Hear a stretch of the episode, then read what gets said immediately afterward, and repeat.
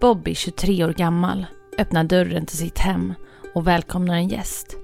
Men bara några minuter senare ligger en död person på golvet. Kroppen ligger i en stor pöl av blod och offrets mage ser ut att ha exploderat. Du lyssnar på Värsta morden, en podcast av Saga Lindqvist Springhorn. Vi befinner oss i Skidmore, Missouri, USA. Här bor 23-åriga Bobby Joe Stinnett tillsammans med sin man Seb. De träffade varandra redan i high school och har sedan dess hållit ihop. En dag under 2004 inser Bobby att hon är gravid. Hon hade längtat efter den här dagen länge och när hon berättar för Seb att graviditetstestet visat positivt blir han överlycklig. I väntan på att deras barn ska komma till världen bestämmer sig Bobby för att satsa extra på hunduppfödning för att få in mer pengar. Hon tänker alltså föda upp hundvalpar för att sedan sälja dem vidare. Bobby hade under hela sitt liv varit intresserad av just hundar och hon var ofta inne på ett chattforum för likasinnade. Men nu var det inte bara hundar som hon hade fokus på.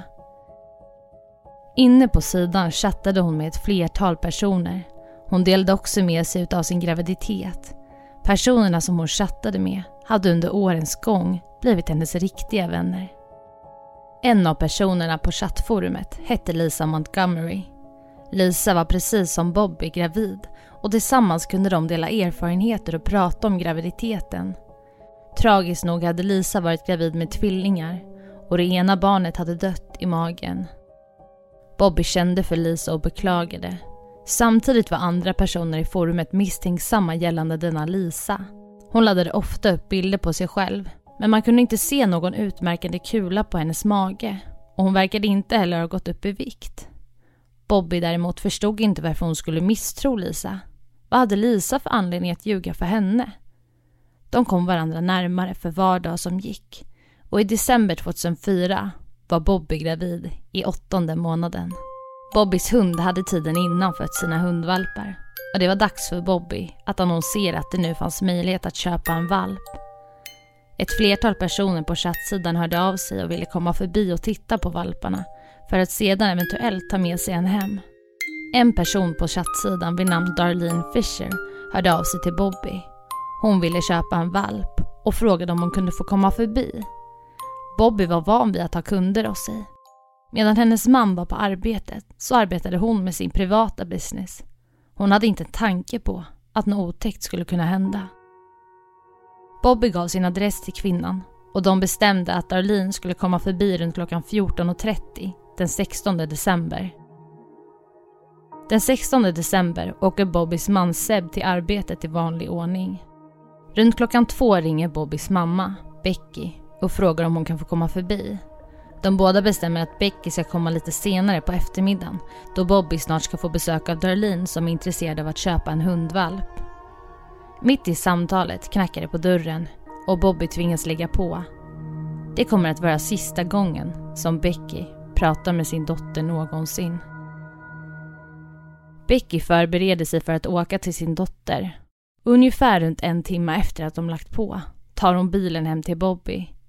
Och när hon öppnar dörren hittar hon sin dotter i en pöl av blod. Handen är hårt knuten och Becky kan se att hennes dotter håller i en klase med hår. Det som kanske är mest häpnadsväckande är att Bobbys mage är uppskuren. Graviditetsmagen som tidigare buktat ut existerar inte längre och bebisen som egentligen skulle legat där inne var borta. Becky är i chock och ringer polisen. Hon berättar att det ser ut som att hennes dotters mage sprängts bort. Polisen kommer snabbt till platsen och det konstateras att det inte går att rädda Bobbys liv. Hon förklaras senare död på sjukhuset. Polisen måste nu agera snabbt. Förhoppningen är att den åtta månaders gamla bebisen än lever. Däremot är det en svår kamp för polisen. Man vet inte hur bebisen ser ut. Man har inga signalement överhuvudtaget. Man går runt i grannområdet för att undersöka om någon sett något. En granne berättar att hon reagerat på en skruttig röd bil som parkerat på Bobbys och Sebs uppfart. Den stack ut och hon hade aldrig sett den förut. Bilen hade kört upp på uppfarten runt klockan 14.30. Något som stämde väl överens med tiden då Becka och hennes dotter la på luren. Rykten spred sig snabbt och på chattforumet där Bobby brukade hålla till pratade alla om vad som hänt henne. En av hennes onlinevänner var chockad och bestämde sig direkt för att göra något för att finna bevis. Hon börjar gräva djupare inom forumet och ser då att Darlene Fisher och Bobby pratat mycket med varandra. Och med tiden kan hon se att Bobby och Darlene hade bestämt en träff hemma hos Bobby samma dag som hon mördats. Bobbys onlineväninna kontaktar polisen och polisen försöker göra allt för att finna denna Darlene Fisher som Bobby har pratat med.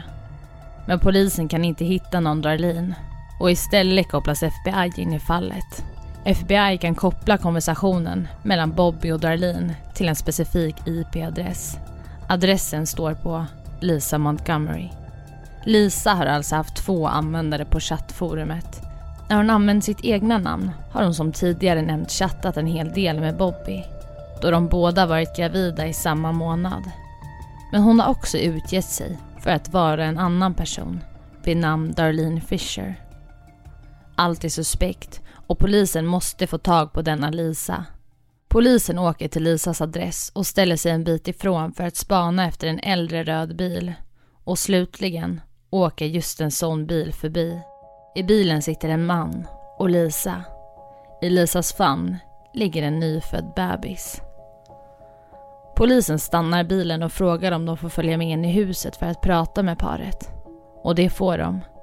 Lisa berättar för polisen att bebisen i hennes famn heter Abigail. Abigail hade fötts dagen innan, den 16 december, samma dag som Bobby blev mördad. Lisa berättar för polisen att hon varit och handlat när hon plötsligt känt verkar. Hon fick därför skynda sig och åka in till en klinik och på kliniken födde hon kort därefter sin flicka. Senare kom hennes man Kevin och plockade upp henne och deras nyfödda Abigail. Polisen vet inte vad de ska tro och ringer därför till kliniken där Lisa påstod sig ha fött hennes bebis. Kliniken säger att de inte har några som helst uppgifter om att Lisa ska ha fött sin bebis hos dem och polisen inser att Lisa har ljugit. När polisen konfronterar Lisa brister hon ut i gråt. Hon erkänner att det är hon som har dödat Bobby och därefter skurit ut hennes bebis ur magen. Kevin, Lisas man, är i chock. Han kunde inte tro sina öron när han fick höra vad Lisa gjort. Ja, det här är ett riktigt makabert mord, det måste man ju verkligen säga. Det som kanske förbryllar många av er och även mig är att Kevin genuint inte vet att barnet som Lisa håller i sin famn inte är deras barn. Men det är faktiskt så att Kevin är uppriktigt chockad. Faktum är att Lisa har fyra egna barn och Kevin har tre. Och efter Lisas sista graviditet så var hon tvungen att genomgå en operation som gjorde att hon blev steril. Kevin visste om den här operationen men hade inte tillräckligt med kunskap så han kunde inte Alltså han förstod inte att Lisa var steril, för hon sa ju bara att hon hade genomgått den här operationen och inte att, och det innebär att jag är steril, utan hon sa det lite så lätt. Och under deras äktenskap hade Lisa påstått sig vara gravid under två tidigare tillfällen, något som vi vet inte var möjligt i och med att hon var steril. Men som sagt, Kevin förstod ju inte det här.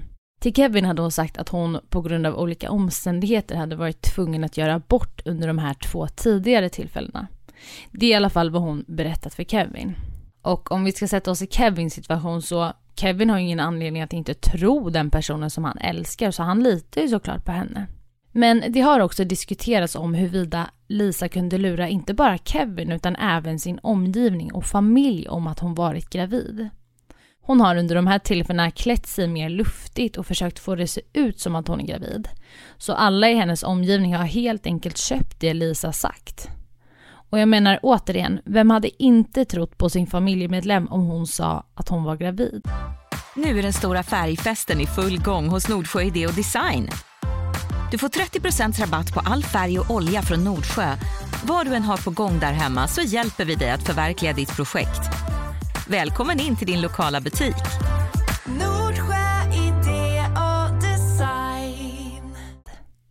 Vi ska nu gå vidare och höra lite om Lisas uppväxt. Lisa var 36 år gammal vid tidpunkten för mordet. Under hennes uppväxt hade hon varit utsatt för ett flertal våldtäkter och misshandel av sin styrpappa.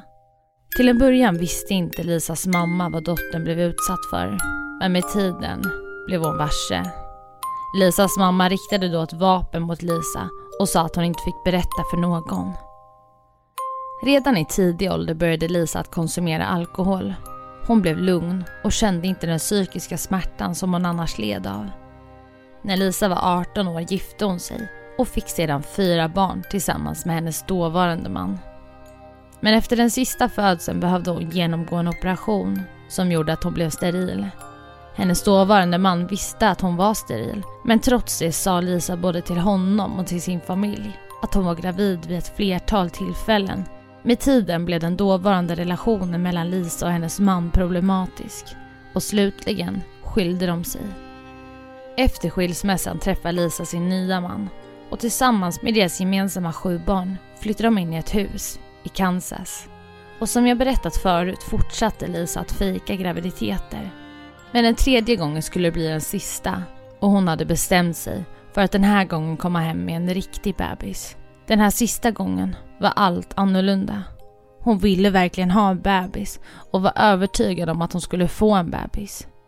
Hon googlade upp ultraljudsbilder från foster i magen och skrev sedan ut bilderna som att det var hennes egna. Hon visade upp dem för sin man och för resten av familjen. Hon hade verkligen en bebis i magen. Det var ingen som trodde att hon ljög. Kanske inte ens hon själv. Nu var Lisa äntligen i nionde månaden. Hon skulle snart få en bebis. Men som ni vet var hon inte gravid egentligen. Men alla andra trodde det. Lisa visste att Bobby och hon skulle föda ungefär samtidigt. Därför skulle snart Bobbys bebis vara hennes egen. Ingen skulle kunna tro att hon ljugit. Lisa skapar ett fejkkonto i namnet Darlene Fisher och bokar sedan upp en tid med Bobby för att köpa en hund hos henne. Men Lisa ville egentligen inte ha en hundvalp. Hon ville ha en bebis. Så vad hände egentligen den där eftermiddagen i december 2004? Lisa hade siktet inställt på bebisen i Bobbys mage. Innan hon åker hem till Bobby utbildar hon sig för fullt framför datorn. Hon tittar på videos om hur man gör kejsarsnitt och ser till att hon är fullt förberedd för vad som komma skall. När Bobby välkomnar Lisa in i sitt hem dröjer det inte länge.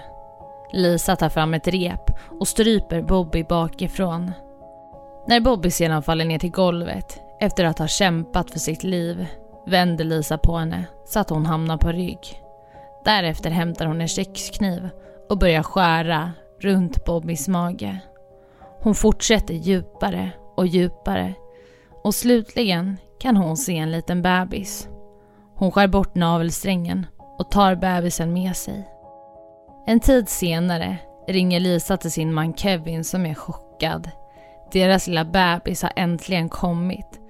Och han hämtar upp Lisa och deras nyfödda bebis utanför kliniken där Lisa påstår sig ha fött. Dagen efter mordet på Bobby grips Lisa av polisen då hon erkänt vad hon har gjort.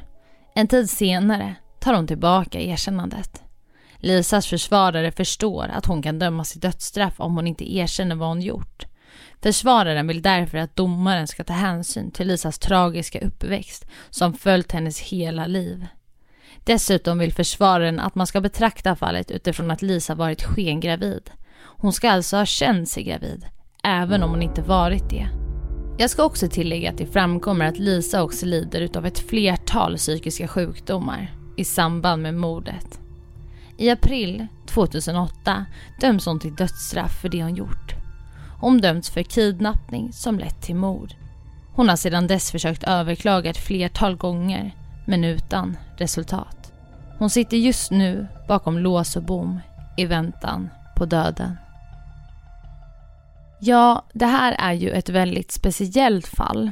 Den lilla bebisen som skars ut ur Bobbys mage klarade sig utan några men och heter idag Victoria.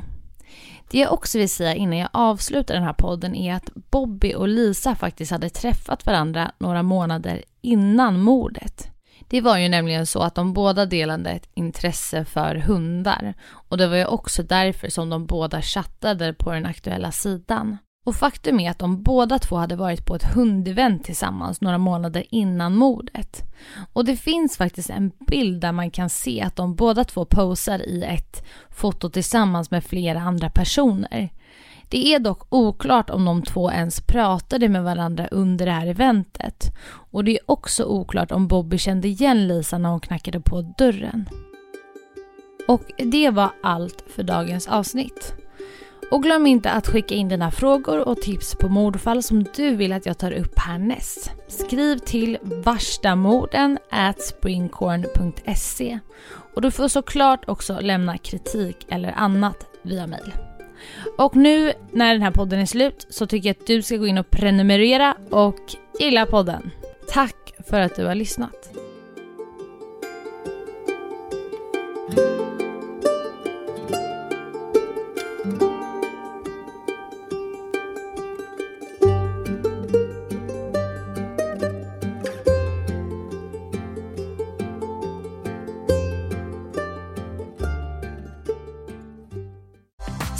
Startar vår stora färgfest med fantastiska erbjudanden för dig som ska måla om.